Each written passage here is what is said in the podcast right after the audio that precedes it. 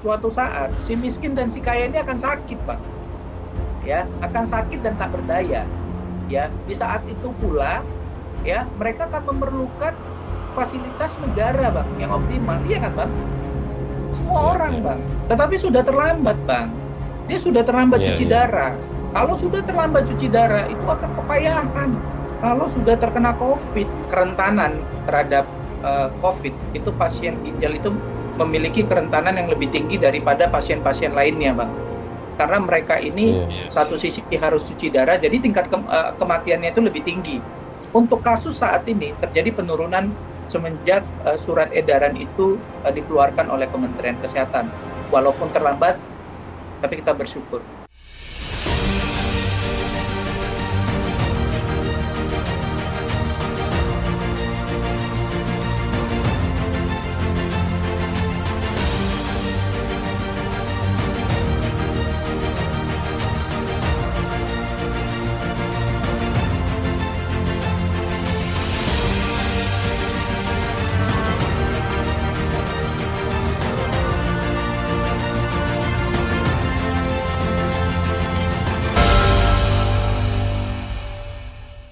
Halo orang-orang baik, kita ketemu lagi di Kenalpot, kanal podcast untuk orang-orang terpinggirkan.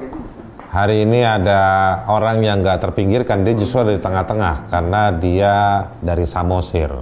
Samosir itu kalau kamu lihat di peta di Danau Toba ada pulau di tengah namanya Samosir. Nah kita hari ini bukan sama pulau, tapi sama satu manusia yang namanya Om Tony, ya kan? Tony Samosir. Nah, hello Om Tony, Halo Bang Haris, apa kabar Bang?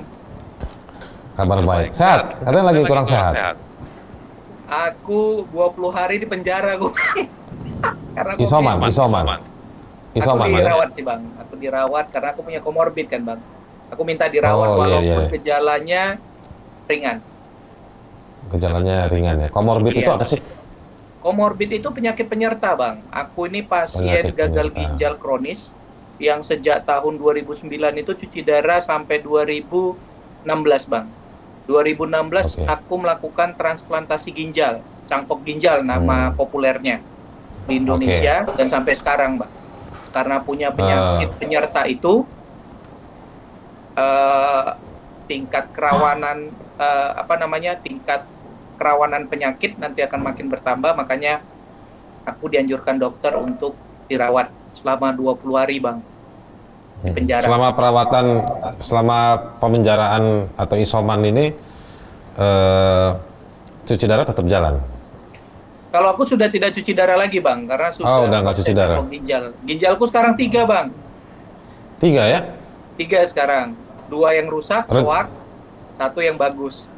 Ginjal Oke. orang. Rencana, rencana nambah sampai berapa? Kenapa, Bang? Rencana nambah ginjal berapa? Jangan nambah lah, Bang. Ini aja sampai seumur hidup, Bang. Walaupun punya potensi untuk nambah. Bisa saja. iya. Namun seumur hidup ini aja lah, Bang. Capek kali, Bang. Tapi kamu nggak, kamu nggak boleh ini ya, Om Tony ya, nggak boleh capek-capek ya. Eh, bukan nggak capek sih bang, silakan saja. Orang capek itu pasti butuh istirahat seperti itu pada intinya Iya. bang.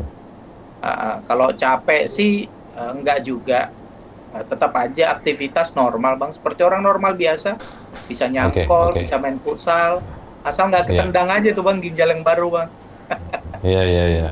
Oke, eh, orang-orang manusia-manusia baik, kita eh, di Kenalpot kali ini, kita akan ngobrol sama Om Tony ini, bukan soal ginjal, ya mungkin juga soal ginjal, tapi soal eh, bagaimana sulitnya para pasien atau komunitas pasien eh, pengidap eh, atau manusia-manusia yang mengidap eh, gagal ginjal ya saya sebutnya kayak gitu ya eh, di tengah pandemi ini. Eh, ada sejumlah praktek penanganan pandemi yang menimbulkan konsekuensi eh, bagi komunitas pencuci darah atau eh, yang mengidap eh, apa gangguan pada ginjalnya. Nah, Om Tony ini disebutnya apa? Ketua, koordinator, direktur, presiden, Ketua atau umum, Bang. sekjen? Ketua Umum Komunitas Pasien Cuci Darah Indonesia, Bang. Bentuknya kita perkumpulan. Jadi uh, Om Tony Samosir ini adalah Ketua Komunitas uh, Pencuci Pasien Darah Cuci Darah Indonesia. Pasien Cuci Darah Indonesia. Indonesia. Uh, salah satu karyanya yang juga mungkin Anda pernah tahu adalah Om Tony dan komunitasnya itu pernah mengajukan judicial review terkait kebijakan naiknya biaya BPJS. Dan waktu itu yang pertama menang, tapi pas yang kedua kalah. Ya hitung-hitung seri lah ya, satu sama sama pemerintah, ya kan? Gitu. Oke, okay. uh, eh, Om Tony sekarang gimana? Apa aja masalahnya? Kan komunitas uh, cuci darah ini uh, harus ke rumah sakit kan, nggak bisa cuci darah sendiri pakai pakai sabun colek gitu kan nggak bisa, ya kan? Nah, nah sementara di rumah sakit ini ada banyak aturan-aturan baru kan, uh, prakteknya maupun kebijakannya, kebijakannya Betul, maupun bang. dalam prakteknya. Bisa cerita nggak gimana tuh masalah-masalah yang dihadapi oleh komunitas cuci darah ini? Iya, sebenarnya kalau orang sudah, saya menjelaskan dulu sedikit ya bang ya, kalau sudah orang ya. gagal ginjal ada tiga modal modality namanya bang terapi yeah. terapi pengganti yeah. ginjal nah integrasinya adalah melakukan transplantasi ginjal yaitu okay. saya yang lakukan saat ini atau cuci darah melalui mesin ini dia biasanya okay. seminggu dua sampai tiga kali bang ke rumah sakit, Di rumah sakit ya nah, atau hmm. melakukan peritoneal dialisis atau cuci darah perut itu mandiri bang okay. dilakukan di rumah tanpa harus ke rumah sakit merekanya. Oke. Okay. Nah, dengan menjadi, situasi pandemi ini apa yang jadi masalah nih sekarang? Oke. Okay.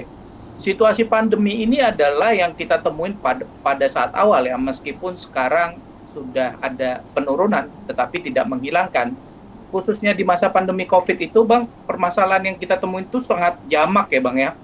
E, di awal kondisi pandemi itu beberapa rumah sakit aja Bang yang mempunyai fasilitas layanan isolasi bagi pasien yang terkena Covid ya hmm. pasien-pasien cuci darah. Oke, jadi pasien cuci darah yang terkena COVID ini, bang, kebanyakan ya ini temuan kita, catatan kita, ini tidak dilakukan cuci darah, bang. Itu. Hmm. Padahal kalau pasien gagal ginjal, hidupnya dari hari ke hari ya tergantung pada cuci darah itu, bang. Kalau nggak cuci nah, darah, itu kenapa nggak? Kenapa sampai kejadian nggak cuci darah mereka? Sudah ke rumah sakit tapi nggak cuci darah. Kenapa itu? Ya karena tidak ada fasilitas layanan untuk ruang isolasi khusus bagi pasien cuci darah yang terkena COVID, Bang. Nggak ada fasilitasnya, okay. nggak ada layanannya. Tapi kalau misalnya pasien cuci darah yang tidak kena COVID masih dapat pelayanan? Pasien cuci darah yang tidak terkena COVID tentu masih dapat pelayanan itu, nggak masalah. Rumah sakit masih masih tidak membatasi diri? Uh, rumah sakit tentu ada be beberapa perubahan protokol kesehatan ya, Bang ya Contohnya hmm. mereka wajib masker, yang dulunya pakai pendamping nggak boleh pakai yang pendamping umum lah lagi. Itu. Uh, umum lah itu ya. Tetapi persoalan kalau tidak ada COVID tidak ada masalah kalau untuk itu bang. Iya, tapi kalau ada COVID bagi itu si bermasalah. Kalau ada kalau ada COVID uh, yang uh, menghinggap di pasien uh, cuci darah, rumah sakit tidak punya pelayanan khusus. Pelayanan khusus. Nah, kebanyakan dan itu dikasih treatmentnya treatment biasa treatmentnya kita disuruh isoman bang dua minggu. Oh. bagaimana mungkin kalau... mereka isoman tanpa cuci darah bang? Ya mati lah mereka. Udah berapa banyak yang meninggal? Uh, sangat banyak tapi kita belum punya catatan itu bang. Karena itu datanya sangat ini ya uh, kamu bisa sebut nggak nama yang kamu kamu bisa sebut nggak nama yang kamu kenal siapa? Teman-teman kita bang. Ya nggak ya. perlu sebut biasa di rumah sakit mana, tapi kamu sebut nama-namanya aja, ntar rumah sakitnya mana kalau kita sebut di sini.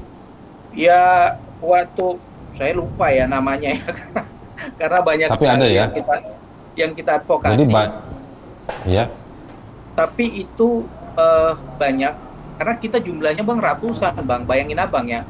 Satu Seluruh rumah Indonesia sakit ya? itu satu rumah sakit itu lockdown bang, nggak cuci darah mereka nya itu ada di hmm. Sukabumi, di Jawa Barat, di Makassar termasuk. Itu rumah, rumah sakit oh, jadi, Jadi rumah sakitnya yang lockdown tidak mau membuka pelayanan. Iya, Itu karena juga ada. fasilitasnya minim begitu. Artinya ada pasien yang terkonfirmasi COVID, ya kan? Ada perawatnya terkonfirmasi lagi, ya. Pelayanan cuci darahnya itu nggak dilayanin sampai eh, 14 hari atau seminggu.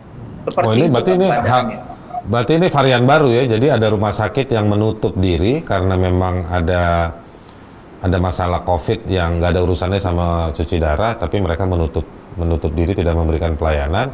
Ada juga rumah sakit yang tidak mau menerima pasien cuci darah yang terkena COVID dan meminta mereka isoman, isolasi Betul, mandiri. Jadi- Sementara kalau isolasi mandiri tidak ada cuci darah dan akhir akibatnya mereka, jadi gagal ginjal total dan meninggal ya. Iya, jadi ibaratnya begini bang, kita itu karena ginjal kita bisa kencing bang. Satu sisi Iya, kita iya. butuh makan dan minum. Bayangin aja Iya. bang, dua minggu nggak kencing tapi makan dan minum. Kita kayak Hmm. udah sapi gelondongan bang, manusia gelondongan. Semuanya gemuk, Hmm. paru-paru kerendam dan sesak napas, akhirnya menimbulkan kematian. Dan itu banyak terjadi. Tapi persoalan Iya. yang muncul adalah bang, pasien-pasien ini enggan untuk melaporkan karena mereka takut. Itu satu. Ya, Iya. kita sudah sudah membuka Kenapa mereka takut? layanan. Kenapa mereka takut? Mereka takut Takutnya kenapa? akan tidak terlayani lagi gitu. Eh, diusir, takut diintimidasi, seperti itu ya bang ya yang terjadi ya. Eh, kalau kita wawancara, kita sudah bilang bahwa ini aman, kita akan mem- memberikan perlindungan, tetapi mereka enggan. Bahkan ada yang sebulan tidak cuci darah itu sampai masuk ICU yang akhirnya juga meninggal seperti itu. Kasus-kasus di Hmm. Jambi juga banyak itu, ya. Dan mereka sudah lapor ke DPRD-nya, DPRD-nya sudah membuat siaran pers juga, tetapi ya tetap aja tidak eh, eh, apa eh, eh, tidak maksimal gitu untuk pelayanannya. Dan sampai hari ini di Instagram kita juga masih ada pelaporan eh, mereka tidak dilayani cuci darah karena terinfeksi COVID. Ya. Seperti Selain soal takut, apa lagi? Mereka takut yang yang pasti mereka takut terusir. Yang kedua mereka takut tidak terlayani dengan baik. Ya Hmm. karena mereka melaporkan akhirnya mereka tidak terlayani dengan baik eh, tertekan karena bagaimanapun mereka hidupnya itu lewat cuci darah seperti itu bang. Saya bisa merasakan eh, dari 2009 sampai 2016 saya juga melakukan cuci darah melakukan advokasi di tempat cuci darah saya ya. Eh, tapi untungnya eh, kita bisa berbicara karena ini kepentingan antara kita dengan pihak eh, manajemen tentunya. Ya tidak Iya. ada terlibat dengan para karyawan atau para pelayanan kesehatan yang lainnya. Karena ini terkait dengan hak apa yang kita dapatkan di, di di pelayanan kesehatan. Seperti itu bang Om Tony, eh, sudah menyampaikan belum masalah ini ke pemerintah, ke dinas atau ke kementerian tertentu, atau ke BNPB, ke Satgas COVID? saya sudah memberikan surat bang ke Kementerian Kesehatan bang. Hmm. tapi kami itu nggak pernah dapat balasan bang. Kami minta audiensi terkait itu. Kami nggak pernah eh, mendapat balasan surat. Kayaknya Tapi kayaknya kalau misalnya- berdoa kayaknya lebih enak berdoa sama Tuhan gitu bang daripada kirim surat, Sama kirim surat yang- ke Tuhan ya? iya sama yang yang seharusnya melindungi masyarakatnya. Kadang kami punya kesedihan tersendiri bang. Melihat eh, teman-teman kami meninggal dan pada akhirnya eh, eh, beberapa minggu yang lalu eh, eh, tepatnya kalau nggak salah Februari atau Maret baru pe- apa namanya Kementerian Kesehatan mengeluarkan surat edaran terkait eh, eh, yang eh, pasien-pasien COVID yang memerlukan layanan hemodialisa cuci darah tetap mendapatkan layanan bang meskipun mereka Hmm. penderita COVID sesuai peraturan dan ketentuan yang berlaku artinya begini bang kok Hmm. sampai tega lama banget suratnya kok corona mau ulang tahun kok baru ngeluarin surat edaran bang begitu Hmm. padahal berita itu muncul Dari- kita menderita begitu Jadi sebelum surat itu muncul udah banyak yang meninggal ya, gara-gara belum munculnya aturan itu ya. itu yang disebutkan oleh Prof Wiku bang bahwa sumbangsi Oke. pasien gagal ginjal yang terkena COVID itu tinggi bang Iya, iya, Ya. iya. Apa apa apa yang dia bilang? Prof Wiku bilang apa dia? Eh, saya saya harus baca media lagi bang pada saat itu untuk untuk uh, penyumbang uh, apa namanya uh, uh, kerentanan terhadap uh, COVID itu pasien ginjal itu memiliki kerentanan yang lebih tinggi daripada pasien-pasien lainnya, bang. Karena mereka ini yeah. satu sisi harus cuci darah, jadi tingkat ke, uh, kematiannya itu lebih tinggi. Sebenarnya kalau mereka terkena COVID, ini yang terjadi, bang. Yeah, yeah. Kenapa sih, bang? Karena satu ya, bang ya, mereka tidak bisa isoman. Mereka harus yeah. ke fasilitas layanan kesehatan 2 sampai tiga minggu sekali. Bang. Artinya, kalau mereka mereka ini pasien-pasien cuci darah ini rentan tertular, rentan menularkan di klaster keluarga, hmm. Bang. Kalau mereka sudah tertular, efek sampingnya apa? Kalau rumah sakitnya tidak mempunyai layanan, mereka tidak bisa cuci darah. Ini kayak teman saya sendiri, Bang. Di Jakarta itu di Jakarta loh, Bang. Empat rumah sakit menolak. Ya, empat rumah sakit menolak. Satu rumah sakit RSUP, satu rumah sakit RSUD, dua rumah sakit swasta. Ini sebelum ada surat edaran dari menteri ya? Itu sebelum ada surat edaran dari menteri. Akhirnya, okay. tapi dia akhirnya di rumah sakit terakhir dia diterima, tetapi sudah terlambat, bang. Dia sudah terlambat yeah, cuci yeah. darah. Kalau sudah terlambat cuci darah, itu akan kepayahan. Kalau sudah terkena COVID. Iya, yeah, iya, yeah, iya. Yeah. Bang. Nah sekarang gini. Penderita gagal ginjal itu, bang saya yeah. mau menjelaskan sedikit Bang Aris. Saya potong silakan, silakan, silakan. Jum, jumlah penderita gagal ginjal itu, Bang, itu di tahun 2019 ya, terakhir dari uh, laporan dari Indonesia Renal Registry, pasien aktif itu ada 185 ribu, Bang, orang. Hmm. Pasien barunya ada 69 ribu orang, Bang. Bayangin yeah, Abang yeah. ya, jumlah pasien. Kalau pasien-pasien ini terinfeksi COVID, saya nggak minta setengahnya deh, Bang. Seperempatnya aja, Bang terjadi kekacauan, Bang. Seperti itu, yeah, Bang. Yeah. Nah, sekarang saya mau tanya gini, Om Tony. Setelah surat edaran dari Menteri Kesehatan keluar, uh, itu signifikan nggak uh, mendorong perubahan pelayanan rumah sakit terhadap uh, pasien cuci darah untuk bisa yeah. uh, dapat tetap pelayanan cuci darah ketika mereka mengidap COVID? Iya, memang waktu awal-awal COVID itu kan begini, Bang. Yang tragisnya itu mereka meninggal bukan karena COVID, Bang. Karena memang hasil tes, tes webnya itu negatif, tapi ini kan baru dugaan.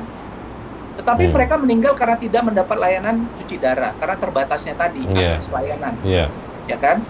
Yang sampai detik ini kita masih menjumpai minimnya fasilitas itu, Bang. Ya, walaupun sudah meningkat, tapi tidak sebanding dengan jumlah kasus yang ada ya jumlah kasus itu menurun bang untuk laporan ya tetapi ada aja yang melapor.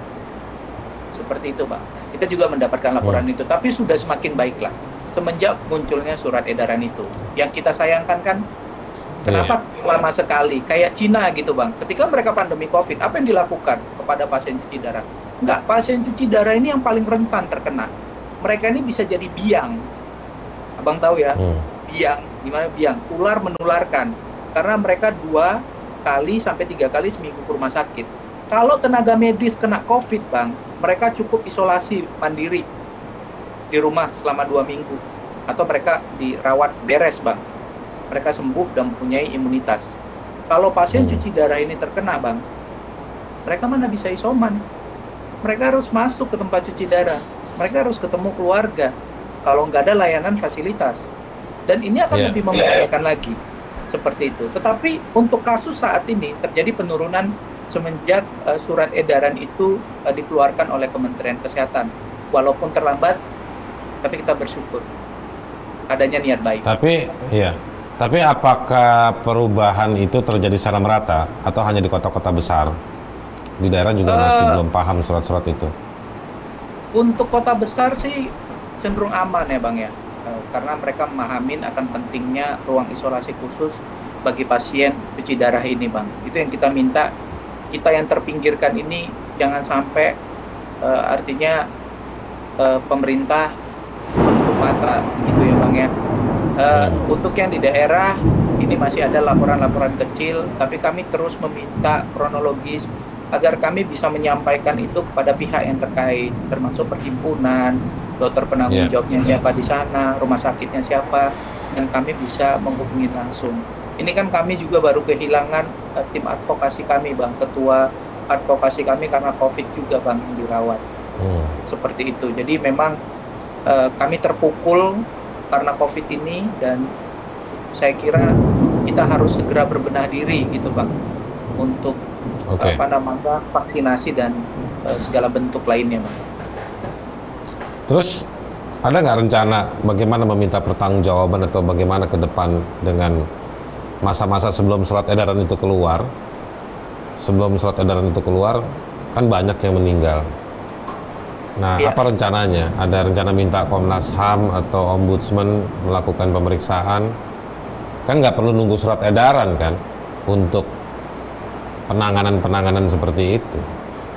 Iya, sebenarnya kita sudah melakukan rapat dengan para pengurus pusat hmm. bahwa harus ada perlawanan memang seperti itu bang harus ada yeah. aduan ya harus ada audiensi namun kami meminta memang pada Kementerian Kesehatan terus berikan surat agar persoalan-persoalan pasien cuci darah itu bisa kita selesaikan bersama namun belum bersambut begitu bang surat kami belum berbalas hmm. uh, tetapi kesulitan yang kami hadapin adalah uh, pasien-pasien ini bang takut mereka bang.